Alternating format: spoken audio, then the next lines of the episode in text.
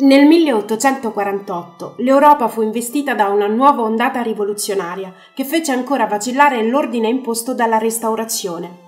Le ragioni delle rivoluzioni e dei moti furono di due tipi, economiche e sociali.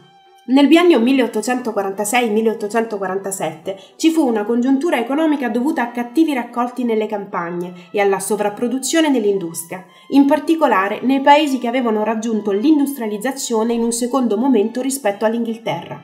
Una produzione industriale diffusa e imponente non corrispondeva infatti ad un mercato europeo e mondiale in grado di assorbirla, le classi popolari, inoltre, mal sopportavano le dure condizioni imposte dall'industrializzazione, mentre la borghesia capitalistica rivendicava un ruolo di prim'ordine nella politica ancora egemonizzata dall'aristocrazia. A questi motivi si unirono le aspirazioni all'indipendenza e all'unità nazionale, soprattutto nei paesi dell'Europa meridionale e orientale. In Francia la rivoluzione coinvolse sia le classi borghesi che quelle popolari, che inizialmente si allearono. La borghesia desiderava una maggiore presenza in Parlamento, opponendosi al re. A febbraio l'insurrezione di Parigi portò alla dichiarazione della Repubblica. La rivoluzione non risparmiò neanche le terre dell'impero austriaco e della Confederazione germanica. Le motivazioni alla base furono altre rispetto a quelle francesi. Alla crisi economica si sommavano infatti le aspirazioni indipendentistiche delle diverse nazionalità dell'impero e il nazionalismo dei liberali tedeschi. A Vienna venne concessa la Costituzione dopo la caduta del governo Metternich, costretto a fuggire a causa delle insurrezioni in vari luoghi dell'impero, compresa l'Ungheria. In Germania il movimento rivoluzionario partì da Berlino con l'obiettivo di unificare il paese. Il re di Prussia, Federico Guglielmo IV, dovette convocare un'assemblea costituente riunendo tutti i rappresentanti delle nazioni tedesche. Anche qui, a fine anno, venne concessa la Costituzione. In Italia i precedenti tentativi di insurrezioni, guidati dalle società segrete, avevano fallito e spinsero così i patrioti a ideare nuove strategie. Emersero quindi due diverse linee. La più nota fu quella di Giuseppe Mazzini, democratica e repubblicana.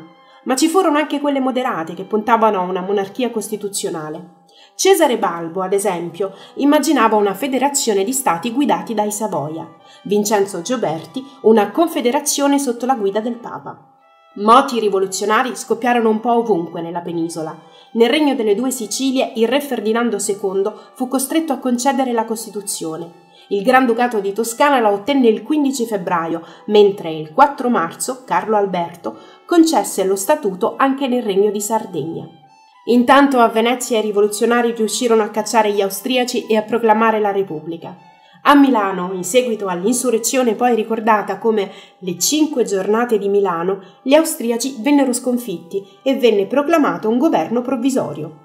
A Roma i democratici trionfarono, costringendo il Papa alla fuga e proclamando la Repubblica Romana. A fine anno si assistette alla crisi della rivoluzione. In Francia venne eletto un conservatore, Luigi Bonaparte, come presidente della Repubblica. Anche in Germania ben presto vennero alla luce le fratture tra democratici e moderati, mentre nell'impero asburgico le spinte indipendentistiche giocarono a favore degli austriaci. Vennero represse nel sangue le insurrezioni popolari di Praga e Vienna e gli scontri in Ungheria vennero risolti con l'intervento dello zar. In Italia furono soffocati nel sangue i moti di Venezia, Firenze e Roma. Le rivoluzioni erano state sconfitte, ma l'età della restaurazione poteva dirsi conclusa.